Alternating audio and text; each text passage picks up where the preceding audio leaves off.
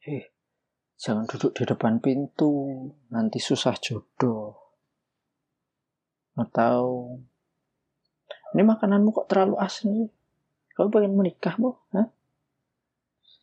Kita mungkin pernah ya dengar mitos-mitos kayak gitu. Terutama mungkin teman-teman yang di kisaran usia saya 20 tahunan ke atas lah.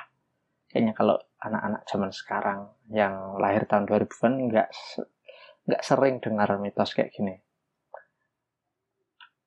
Uh, terus kok bahas mitos sih? Padahal bulan Ramadan kok bahas mitos? Kamu percaya mitos, was? No, no, no, no, no. Uh, episode kali ini kita nggak, saya nggak, gimana ya? Saya nggak bilang bahwa saya percaya mitos, tapi sebenarnya setelah saya pikir-pikir lagi, mitos di Jawa itu make sense ya mungkin mitos-mitos di tempat lain juga make sense sih tapi karena saya lahir dan besar di Jawa ya tahunya memang mitos yang ada di sekitar Jawa dan yang pernah beberapa beberapa kali terdengar oleh saya dari mungkin orang tua, tetangga, temen kayak gitu-gitu. Mosok sih mitos. Mitos itu kok make sense gimana maksudnya? Gini. Oke. Okay. Uh, sebenarnya kita harus melihat mitos itu kan kayak uh, ya urban legend ya. Uh, bukan urban legend ya mitos lah mitos gitu mitos saja mitos itu sendiri urban legend sendiri mitos itu kan terkait di waktunya kapan mitos itu mulai disampaikan loh. Kita nggak bisa ngelihat mitos itu di zaman sekarang. Memang kalau kita lihat di zaman sekarang itu kayaknya mitos-mitos itu banyak yang nggak masuk akal tapi kalau misal kita flashback, tarik ke belakang, kita lihat dari perspektif di zaman itu, sebenarnya masuk akal. Misal, misal, gini, yang sering, kayaknya masih sampai sekarang gitu, masih sering sampai sekarang jadi guyonan gitu. Kalau makanan kita keasinan, tandanya kita ingin menikah. Kok gitu? Kok bisa? Apa hubungannya makanan asin keasinan sama pengen menikah? Kita pasti pernah lah ya suka sama orang jatuh cinta gitu. Terus kita sampai kepikiran nih bengong sampai ya wis blank kayak gitu. Kalau mikirin orangnya itu sampai ngelamun itu nah kalau sekarang kan kita kegiatannya banyak nggak cuma di situ-situ aja. Kita kan bisa kegiatan mungkin kerjanya ngadepin komputer atau apa atau ya kegiatannya macam-macam lah. Kalau dulu perempuan di Jawa itu kan ya kegiatannya ya di rumah-rumah aja gitu loh. Nyapu ngepel mungkin masak. Nah, ketika masak si orang ini kok ngelamun kayak gitu mikirin si yang disukai cem-cemannya kayak gitu. Akhirnya nggak fokus kan. Terus eh naruh garamnya kebanyakan. Jadilah masakan itu keasinan. Jadi kayaknya maksud dari makanan terlalu asin kamu ini tanda ingin cepat menikah itu karena orang ini tuh udah kasmaran sampai sampai bikin dia nggak fokus sampai bikin dia ngelamun gitu loh. Jadi makanya akhirnya hasil akhirnya makanannya ya keasinan itu tadi itu sih it makes sense gitu. masuk akal. Ada lagi uh, mitos kayak ini masih terkait perempuan. Sorry saya nggak bermaksud apa apa kayak kalau nyapunya nggak bersih nanti suaminya berewokan. Nah kalau perempuan zaman sekarang mungkin dikasih kayak gitu ya nggak apa-apa kalau berewokannya kayak Chris Hemsworth Liam Hemsworth Zayn Malik. Ya kalau sekarang kan berewokan ya masih bisa ganteng ya karena banyak alat groomingnya. Kalau dulu ini kita kembali ke zaman dulu ya standarnya kan nggak gitu nih apalagi di Jawa. Uh, kalau dulu kan nggak banyak alat grooming kecuali memang orang yang memang punya loh ya. Kalau sekarang kan ini affordable di mana-mana. Kalau orang yang nggak mm, nggak merawat diri malas merawat diri itu kan ya salah satunya ditandai dengan dia membiarkan brewoknya tuh tumbuh gitu aja nggak dirawat. Jadi orangnya malas. Nah kalau orang yang nyapunya nggak bersih itu kan dilabel sebagai or sebagai orang malas sama orang tuanya atau mungkin tetangganya dilabel gitu. Orang malas orang malas nanti dapat jodohnya itu orang malas juga. Itu maksudnya tuh kayaknya seperti itu. Uh, ya ini masuk akal juga. Karena kalau secara psikologi Mark Manson pernah bilang di bukunya itu ya kita ini tertarik sama orang yang sejenis sama kita. Ya kalau kita sama-sama suka ngegame ya kita akan tertarik sama orang yang suka ngegame.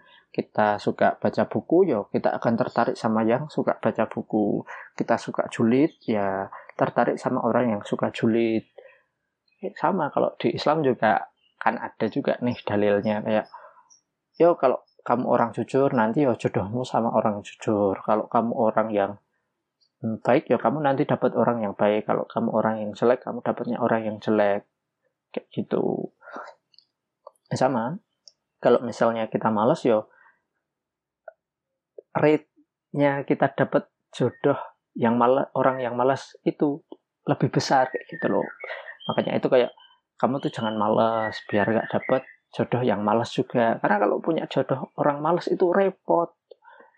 Ah, disuruh ini nggak mau disuruh itu nggak mau itu akhirnya ya mungkin rumahnya jadi berantakan kotor itu itu yang ditakutkan hmm, mungkin orang tua zaman dulu ya sejauh ini masih lah masih masuk akal juga ada lagi uh, perempuan masih perempuan perempuan yang duduk di depan pintu itu bikin susah jodoh.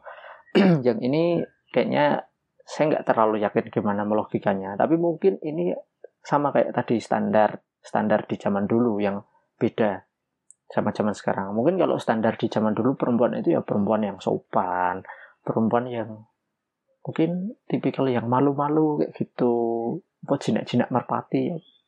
Itu kayaknya ucapan yang udah nggak banyak orang tahu jinak-jinak merpati gitu. Nah kalau orang yang perempuan yang duduk di depan pintu itu kan mungkin nggak sopan. Kalau orang yang nggak sopan mungkin nggak dilirik oleh banyak laki-laki. Jadinya yo, wah perempuan itu kok nggak sopan males lah kalau sama dia kayak gitu. Mungkin maksudnya itu kayak gitu. I'm not really sure but that's it yang bisa aku logika dari mitos itu. Terus ada lagi ini mitos yang saya baru dengar beberapa waktu yang lalu sih. Jadi kita nggak boleh potong kuku malam-malam nanti pamali atau nanti bisa bikin cepat meninggal. Kalau zaman sekarang ya nggak masuk akal, tapi kalau zaman dulu saya sempat tanya ke ibu saya ya. Jadi zaman dulu itu kan nggak ada nail trimmer nih, alat potong kuku, gunting kuku itu kan nggak ada. Uh, jadi orang zaman dulu ya motong kukunya kalau nggak pakai pisau saya nggak tahu gunting itu ada ada dikonsumsi masyarakat itu tahun berapa mulai tahun berapa pisau atau malah lebih parahnya yo kalau orang Jawa bilang bendo atau golok jadi kan memang berbahaya banget tuh. Apalagi dulu juga listrik itu nggak ada. Ya, penerangannya ya cuma dari lampu teplok gitu dari lilin. Nah kalau misalnya kita kok nekat potong kuku malam-malam ya bisa-bisa bukan kuku yang kepotong seruas jari bisa kepotong kayak gitu loh. Karena bahaya. Nah kalau misalnya seruas jari kepotong kan darahnya nanti mengucur ya kita cepat meninggal lah jelas gitu. Nah, ini memang nggak relate kalau zaman sekarang apalagi sekarang banyak nah, nail trimmer itu aja alat potong kuku aja mulai dari yang 1500 udah ada sampai ya yang mahal juga ada. Betul listrik juga tersedia di mana-mana gitu. Ini nggak masuk akal memang. Tapi yuk kalau kita flashback yuk yuk saat itu itu masuk akal. Pada tahun kayaknya tahun 90-an akhir baru ada nail trimmer yang bisa yang bisa dipakai di semua orang gitu ya mungkin kalau zaman dulunya udah ada cuman yo nggak semua orang punya kan. Kita tahu sendiri zaman dulu kan uh, sebenarnya level kemiskinannya kan masih timpang kayak gitu kan. Gitu. Terus ada satu lagi mitos yang ini mitos yang cukup serius karena saya nggak tahu gimana ya. Kalau kita pernah dengar Jogja dan Pantai Selatan, seenggaknya mungkin kita pernah dengar kita nggak boleh pakai baju warna hijau atau biru ke Pantai Selatan. Terlepas dari uh, urban legend di sana bahwa hijau itu kan memang warna kebesarannya hmm, kerajaan laut selatan kalau misalnya di Eropa itu kan warna kebesarannya kan ungu itu kalau di laut selatan kan hijau terlepas dari mitos itu urban legend itu. Nah ini juga masuk akal karena gini orang-orang yang pernah ke laut selatan hmm, bukan laut selatan pantai selatan itu pasti tahu ombaknya di pantai selatan itu gila. Besar besar banget. Bahkan pantai-pantai di sana kecuali pantai yang ada di Kulon Progo ya kalau di Jogja itu tuh curam semua karena memang langsung diterpa ombak yang gede-gede gitu. Nah kalau misalnya uh, ada sesuatu hal ombaknya lagi besar kita tertarik ombak kita pakai baju warna hijau atau warna biru itu tuh susah loh dicari. Tim SAR itu jadi susah mencarinya karena saya pernah dapat share-sharean dari teman saya. Dia dia kan penyelam ya dulu waktu kuliah. Kayaknya sekarang oh sekarang kayaknya dia udah nggak aktif nyelam ketika dia kuliah kan sering nyelam gitu.